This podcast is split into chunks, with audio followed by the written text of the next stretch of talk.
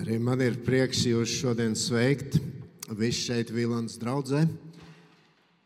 Būt ar jums kopā, svinēt šo svētdienu. Paldies arī Anetei un Miķelim par viņu kalpošanu šeit un visiem tiem, kas šodien ir kaut kur iesaistīti, lai šis dievkalpojums šeit varētu notikt. Ja mēs šodien ielūkotos dažādos ziņu portālos, tad uh, mēs tur varētu novērot vienu ļoti acīs krītošu lietu. Uh, daudz tiek runāts par problēmām. Daudz tiek runāts par uh, problēmām attiecībās. Attiecībās valstu starpā, politiskās attiecībās, attiecībās starp cilvēkiem. Uh, mēs varētu teikt, uh, ja mēs skatāmies visapkārt, tad uh, mēs redzam cilvēku neapmierinātību, cilvēku dažādas domas, viņu strīdus, un šajos strīdu karstumos viens otru pazemo, viens otru nonicina. Un mēs šodien baznīcā esot, draudzē esot, mēs varam teikt, nu, jā, nu tāda ir pasaule. Bet tāpat laikā mēs zinām, ka tā nav problēma tikai cilvēkiem, kuri nepazīst Dievu. Šī attiecība problēma ir pastāvējusi un pastāv arī draudzēs. Un tad ir jautājums, Nu, ja Kristus uh, savu mīlestību izlēja par mums, mēs šo mīlestību esam piedzīvojuši, un Dieva vārds mūs aicina mīlēt, vienam otru mīlēt, ienaidniekus.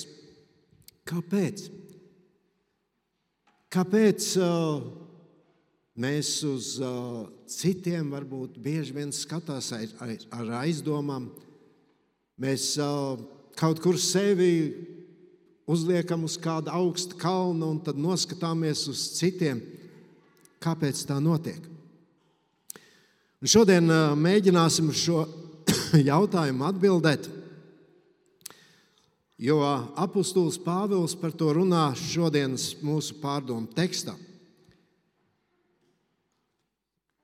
Man jāsaka tā, ka tad, kad sarunājamies, sarunājos ar cilvēkiem, tad bieži vien cilvēki nāk un izsaka šo domu. Nu, Dievs jau kaut kādā mistiskā veidā mums palīdzēs sakārtot šīs sarežģītās attiecību problēmas. Un tad man ir jāsaka, jā, Dievam ir risinājums arī šai problēmai. Bet bieži vien šis risinājums ir citādāks nekā lielākā daļa cilvēku to iedomājas.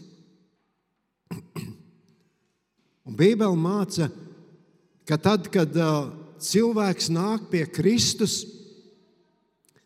tad viņā kaut kas notiek. Kaut kam ir jānotiek ar cilvēku pašu. Un izējot no tā, es gribu teikt, jā, Dievs var sakārtot arī šo attiecību problēmu, bet ļauj Dievam vispirms sakārtot savu sirdi. Mēs atvērsim vēstuli romiešiem. Šodien uh, apstāsimies pie šīs tēmas kas ir jau 43. reize, kad mēs domājam par Dieva evaņģēliju. Šai svētdienas sērijai ir šāds virsraksts. Un uh, mūsu jautājums šajā dienā, kā veidot attiecības ar citiem. Un es vēlos no, lasīt no romiešiem 15. nodaļas, pirmos četrus pantus. Romiešiem 15. nodaļa, pirmie četri panti. Mums, stiprajiem, pienākas nest to vājības, kas ir nespēcīgi, nevis censties patikt sev pašiem. Ik viens, lai cenšas būt patīkams savam tuvākajam, viņam par labu, lai viņu celtu. Jo arī Kristus nav izpaticis sev pašam, bet kā ir rakstīts, tavu nievātāju nievas ir kritušas uz mani. Bet kas iepriekš rakstīts, ir rakstīts mūsu pamācīšanai, lai mēs caur izturību un mierinājumu, ko sniedz raksti, iegūtu cerību. Mēs jau to vairāk kārt esam uzsvēruši, ka visā vēstulē romiešiem apustulis Pāvils runā par evaņģēliju kā par spēku, kurš izmaina cilvēku dzīves. Un šo spēku mēs varam piedzīvot tikai tad, ja mēs apzināmies savu grēcīgumu. Kad mēs apzināmies, ka bez Dieva mums šajā pasaulē nav iespējama laimīga dzīve. Kad mēs atzīstam Kristu kā savu kungu, mēs viņam paklausām, un tad soli pa solim notiek šīs izmaiņas mūsu dzīvē. Kas ved pie tā, ka mēs kļūstam līdzīgāk Kristum. Mēs vairākas iepriekšējās reizes esam domājuši par tādām praktiskām lietām. Un, uh, tas bija vairāk uh, Dieva vārda mudinājums nedarīt kaut ko, netiesāt otru, neapgrēcināt otru. Šodien mēs varētu teikt, ka savā ziņā arī apustulis Pāvils runā par to, ko nedarīt. Viņš saka, nedzīvojiet sev pašiem par patikšanu, bet citiem. Bet tajā pat laikā viņš šeit arī rāda lietas, kas ir tik ļoti svarīgas, lai pareizi mēs varētu veidot attiecības ar citiem cilvēkiem. Šodien es gribu četrus principus no šī teksta, ko mēs šeit redzam, arī likt jums pārdomāt. Un tā pirmā lieta, ko mēs šeit ieraugām, Pāvils saka, zini savus pienākumus. zini savus pienākumus. Pirmajā pantā mēs lasījām, mums stiprajiem pienākas, pienākas nest to vājības, kas ir nespēcīgi, nevis censties patikt sev pašam. Šis vārds pienākas Tas ir grieķu, Pāvils šeit lieto šo grieķu vārdu afelio. Šis vārds tajā laikā pārsvarā tika lietots tad, kad gāja runā, runa par finanšu lietām. Tas tika lietots tas, tad, kad cilvēkam bija kādi aizņēmumi, kādi parādi. Un šis vārds uzsver, ka cilvēkam pienākas šo parādu atdot. Bet Pāvils ņem šo vārdu un lieto runājot par cilvēku savstarpējām attiecībām. Mums ir pienākums, mums ir parāds. Pret ko? Bieži vien mēs par to domājam, domājam nu, pret kaut ko lielāku mūsu parāds. Mēs jau esam tie vājie. Bet Pāvils saka, mums ir pienākums, mums ir parāds pret tiem, kuri ir vājāki par mums. Kā tas ir dzīvē? Mums cilvēkiem jau nepatīk, ja par mums domā, nu tev ir pienākums to man darīt. Mēs bieži vien risinot kādas problēmas, varbūt strīdoties, mēs bieži vien pasakām, nu es jau tev neesmu neko parādā. To mēs redzam dažādās jomās. Bet apustulis Pāvils šeit saka pilnīgi ko citu. Mums, kristiešiem, Dieva bērniem, visiem ir šis parāds, šis pienākums. Mums liekas, nu, ja es situācijā, kad kāds mani, man, man ir sāpinājis, un es neesmu atbildējis ar to pašu, nu tad jau es esmu īsts varonis. Bez maz vai eņģelis šajā pasaulē. Pāvils saka, tas ir tavs pienākums. Tas ir tavs pienākums tā rīkoties. Vispirms, runājot par šiem pienākumiem, Pāvils saka, mums pienākas nest to vājības, kas ir nespēcīgi.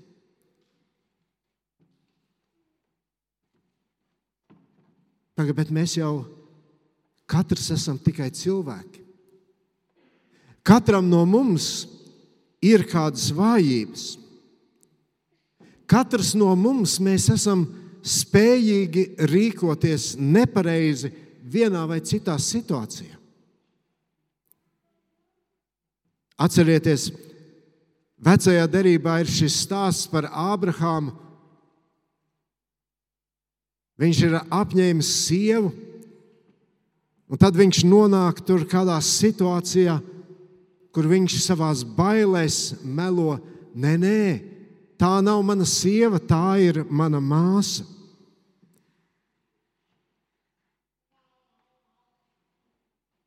Daudzu cilvēku vājība ir, ir tā, ka viņi ātri apvainojas. Daudzu cilvēku vājība ir neapdomīgi teikt kādus neuzmanīgus vārdus. Un mēs varētu turpināt vēl un vēl. Mums katram ir kaudze ar šādām problēmām, ne tikai otram cilvēkam.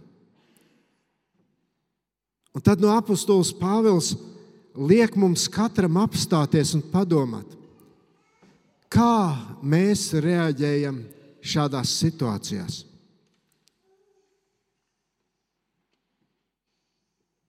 Vispirms, vai mēs paciešam otra cilvēka vājības?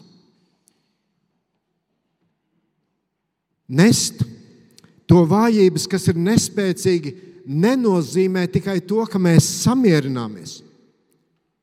Bet uh, šis teksts norāda uz daudz ko vairāk. Šis teksts aicina mums būt līdzās, būt tam vājākajam par atbalstu, būt tam, kas viņu paceļ, būt pati, pacietīgiem pret viņu, palīdzot ar šo vājību tikt galā. Ak, bieži vien tas ir tik grūti. Es iedomājos situāciju, bērni tur aizved, vecāki tur aizved savu bērnu uz mūzikas skolu, varbūt mēģinot piepildīt kādu savu nepiepildītu sapni, varbūt apzinoties, ka šīs mūzikas apgūve tā viņam būs par svētību, par Um, tādu, kas šo cilvēku viņam palīdzēs attīstīties. Bet turpretī ir skolotājs, un viņš redz, nu, tam bērnam nav nekādas lielas intereses par to. Tas skolotājs tur nesaskata arī kaut kādu talantu, bet šim skolotājam vienalga ir pienākums viņu pacietīgi mācīt lai arī bieži vien tur rokas nolaižas, lai arī bieži vien viņš saprot, nekas tur nesanāks. Bet skolotājam nav tiesību savu pienākumu darīt par roku galam.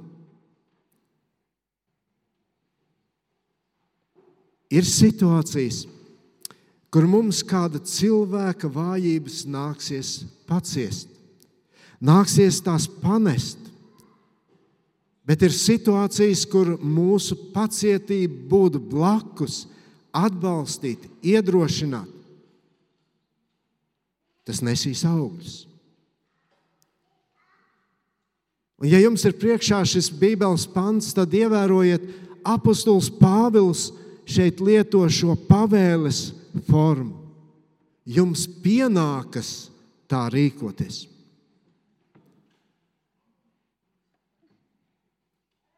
Mēs bieži vien draudzē runājam par kalpošanu. Un tad mēs iedomājamies, ka nu, kalpošana tā ir vadīt šeit pielūgsmi, varbūt tur pie pults sēdēt, pie datoriem, vadīt dievkalpojumu, runāt šeit priekšā. Būt par svētdienas skolotāju. Bet es gribu teikt, mīļie, šeit ir šī iespēja mums katram kalpot. Kalpot, nesot to vājības, kas ir nespēcīgi.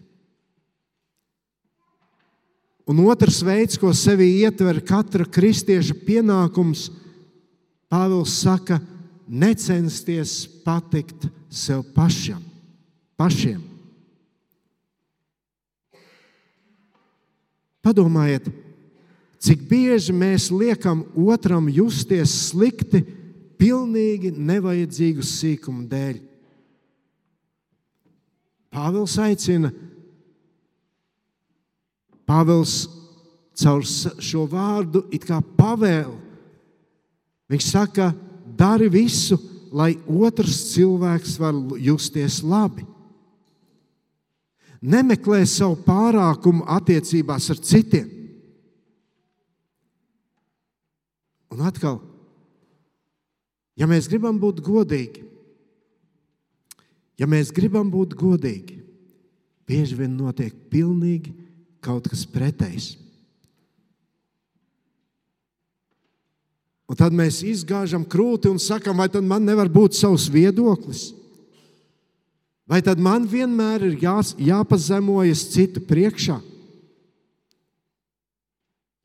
Savā ziņā iekšēji šis protests ir visu laiku, laiku mūsos.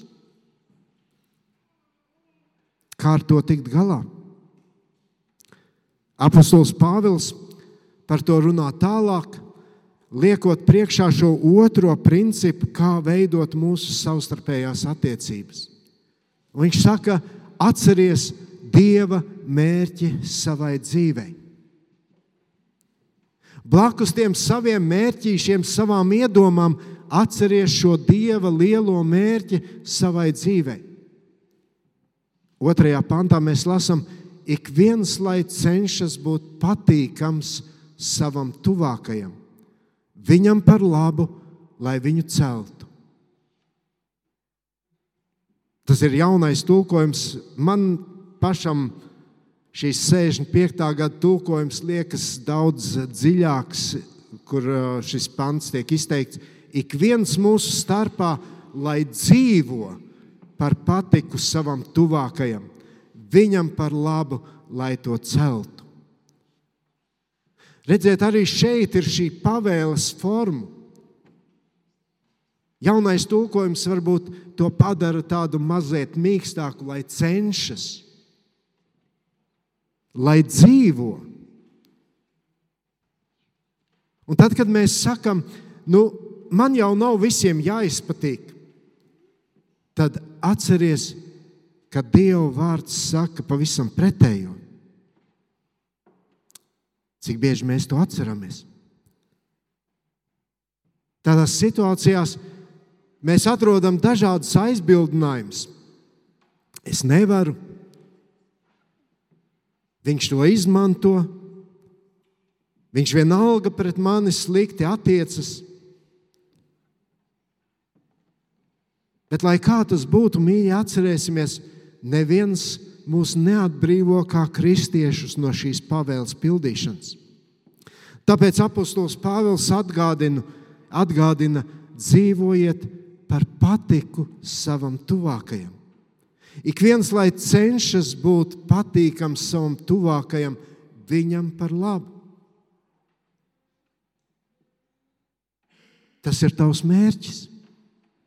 Tas ir tavs un mans mērķis iemācīties darīt labu. Domāt par to, kā es varu otram būt par svētību.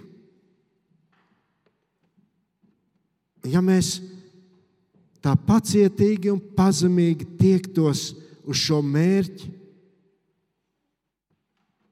droši vien daudz kas mainītos mūsu attiecībās, mūsu laulībā, mūsu darba vietās, mūsu sabiedrībā. Daudz kas mainītos mūsu draudzē. Tas ir svarīgs mērķis. Svarīgs mērķis, kuru pats Dievs nosprauž tavai un manai dzīvei. Lukas evanģēlijā, 6. nodaļā, no 35 līdz 36 mēs lasām, bet mīliet savus ienaidniekus un dariet labu, un aizdodiet neraizēdamies, tad jūsu alga būs liela un jūs, jūs būsiet visaugstākā dēla. Jo viņš ir laipnīgs pret nepateicīgajiem un ļaunajiem. Tu topiet līdzcietīgi kā jūsu tēvs ir līdzcietīgs.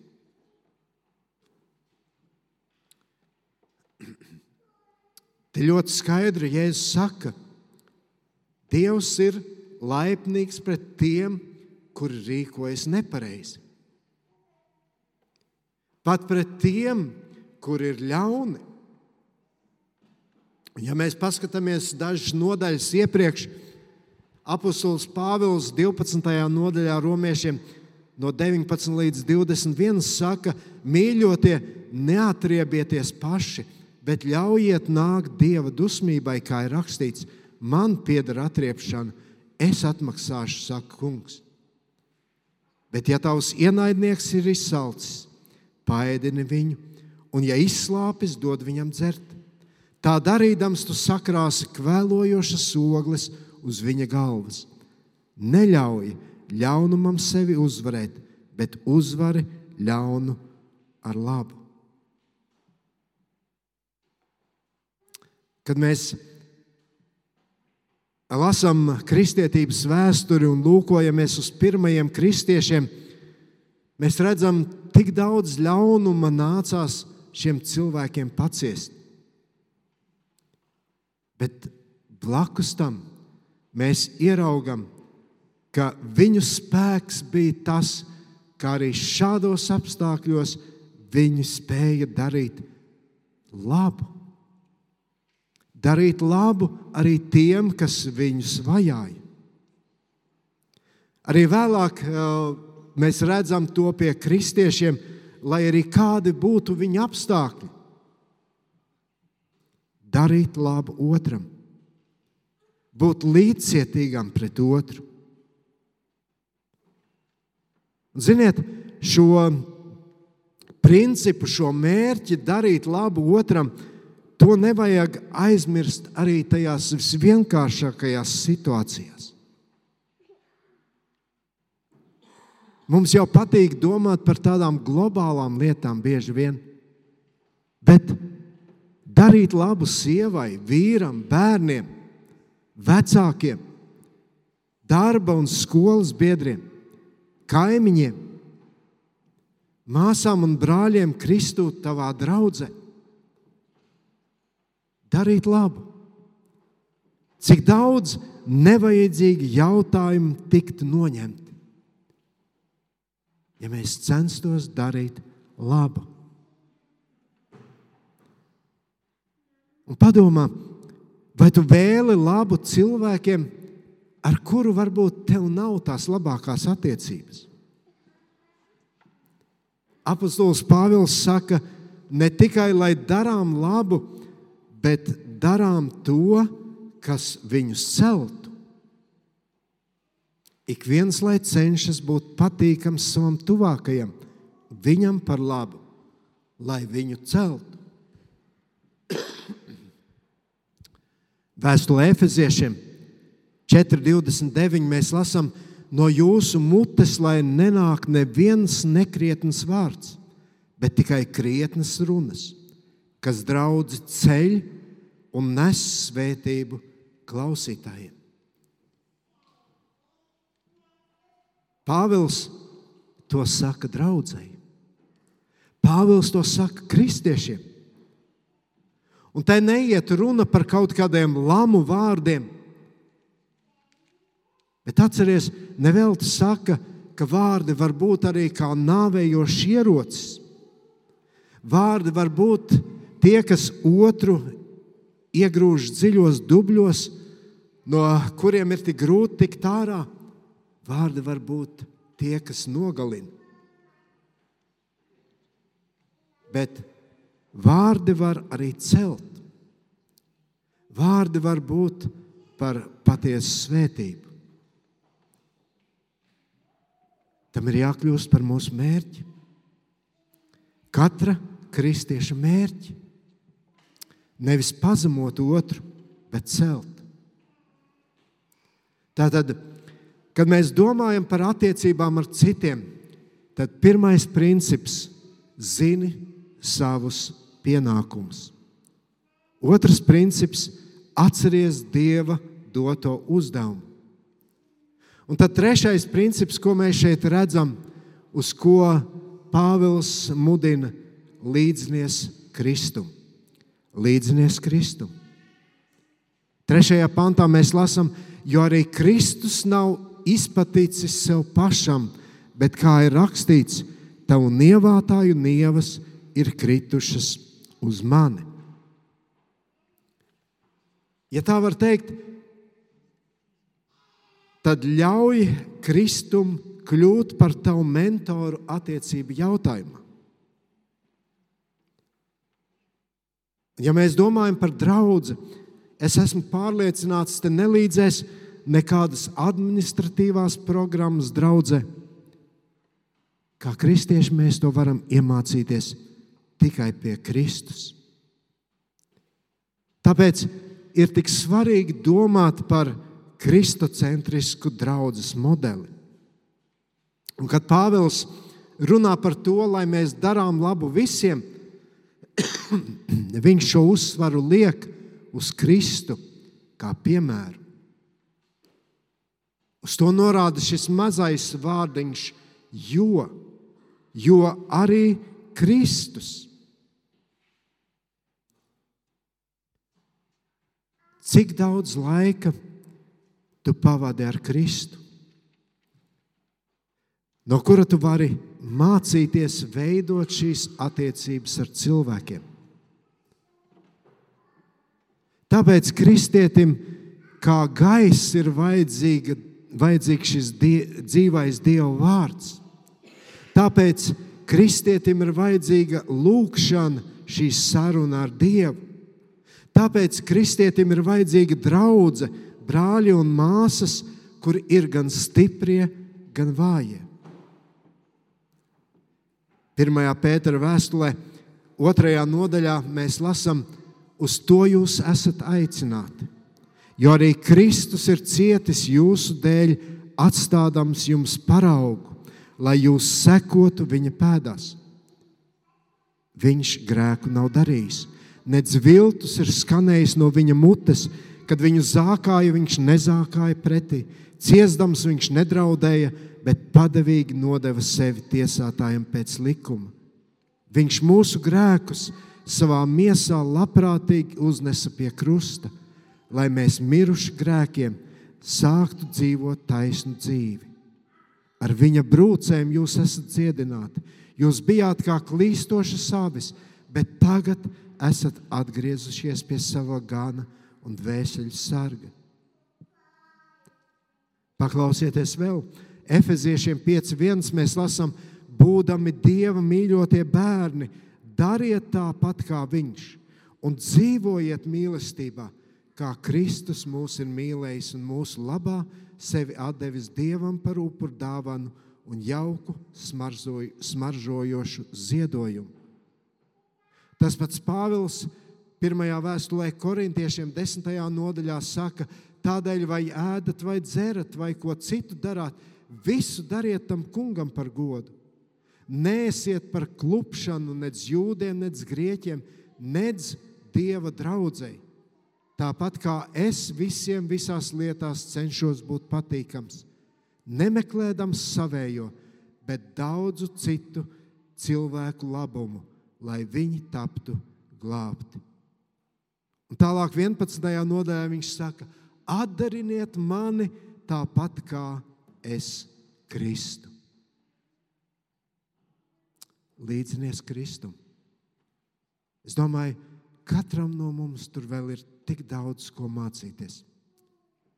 Un tad vēl pēdējais, ceturtais princips, uz kā balstīt mūsu attiecības, meklē iedrošinājumu Dieva vārdā. Ceturtajā pantā mēs lasām, bet kas iepriekš rakstīts, ir rakstīts mūsu pamācīšanai, lai mēs caur izturību un mierinājumu, ko sniedz raksti, iegūtu cerību. Kur lai mēs rodam spēku? Laikā, kur tik daudz runā un cilvēki piedzīvo šīs attiecību problēmas. Kur lai es rodu spēku? Cik ilgi es varu paciest to otru cilvēku? Tie ir jautājumi, kurus mēs tik bieži uzdodam. Un tad paši varbūt arī atbildam, nu labi, vienu reizi, divas reizes, desmit, vienu dienu, nedēļu, mēnesi. Nu, kaut kā es izturu. Bet varbūt tas ir gadu no gada. Apostols Pāvils saka, kas iepriekš rakstīts, ir rakstīts mūsu pamācīšanai, lai mēs caur izturību un mierinājumu, ko sniedz raksti, iegūtu cerību. Un kas tad ir rakstīts? Tur ir Jāzeps, kuru brāļi nepamatu, nepamatoti viņu pārdeva verdzībā. Arī tur viņš ir Potifāra namā. Viņš paliek uzticīgs savam dievam, nepakaļaujas Potifāra sievas iegribam. Viņam nākas par to ciest, viņu iemet cietumā. Atcerieties Danielu, atcerieties Mūzu, atcerieties Dāvidu. Mēs varētu turpināt vēl un vēl saukt šos cilvēkus, par kuriem runā Dieva vārds. Un mēs to lasām, un mēs redzam, ka oh, jā, Dievs kontrolē viņu situāciju. Dievs viņus nav atstājis, lai kādas grūtības viņi piedzīvo, lai kādām attiecību problēmām viņi iet cauri. Tad Pāvils saka, māciet, mācoties no viņiem, arī tu vari iegūt šo izturību un mierinājumu, caur kuru nāk tev šī cerība. Atceries, Dievs savus ļaudis nekad neatstāja.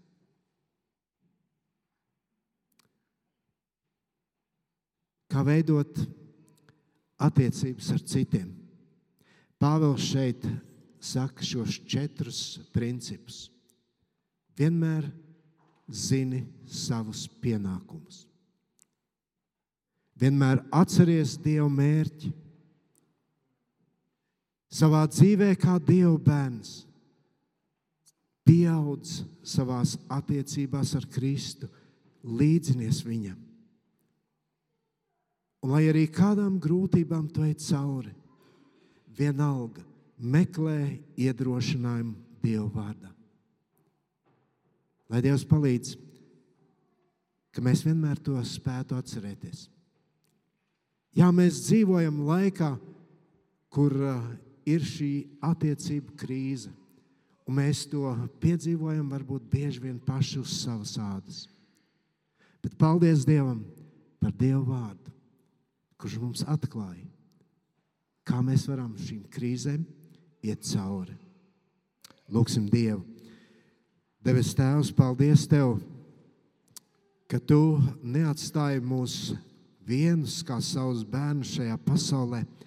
Ka Tu mums nesaki, nu, es savu darbu esmu izdarījis, tagad Tev pašam ar visu jātiek galā. Nē, Tu mūs nekad neatstāji. Tas ir Tavs apsolījums un palīdz mums, kā Taviem ļaudīm, vienmēr pie tā cieši turot, turēties, apzinoties savas vājības, apzinoties arī to, ka Tu esi mūsu spēks un mūsu stiprums. Apzinoties to, ka mēs visi, kas esam šeit, draudzē, kas esam ikdienā kopā, mēs esam tikai cilvēki. Un Dievs neļauj mums dzīvot tikai domājot par sevi. Tavs vārds mums atgādina, domājiet par citiem, dzīvojiet par patikšanu citiem. Esiet tie, kas mēs palīdz mums būt tiem, kas mēs ceļam, nevis gremdējam.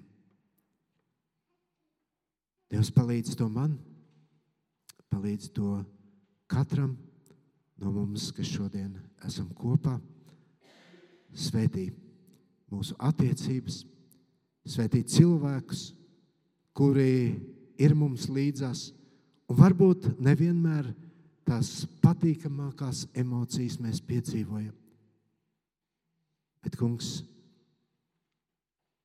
lai tavs vārds, lai šodienas atgādinājums palīdz mums uz to skatīties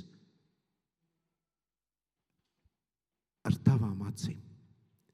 Kā tu redzi mūs, palīdzi mums ar, tādām, ar tādu skatu, arī lūkoties ar cilvēkiem mums līdzās.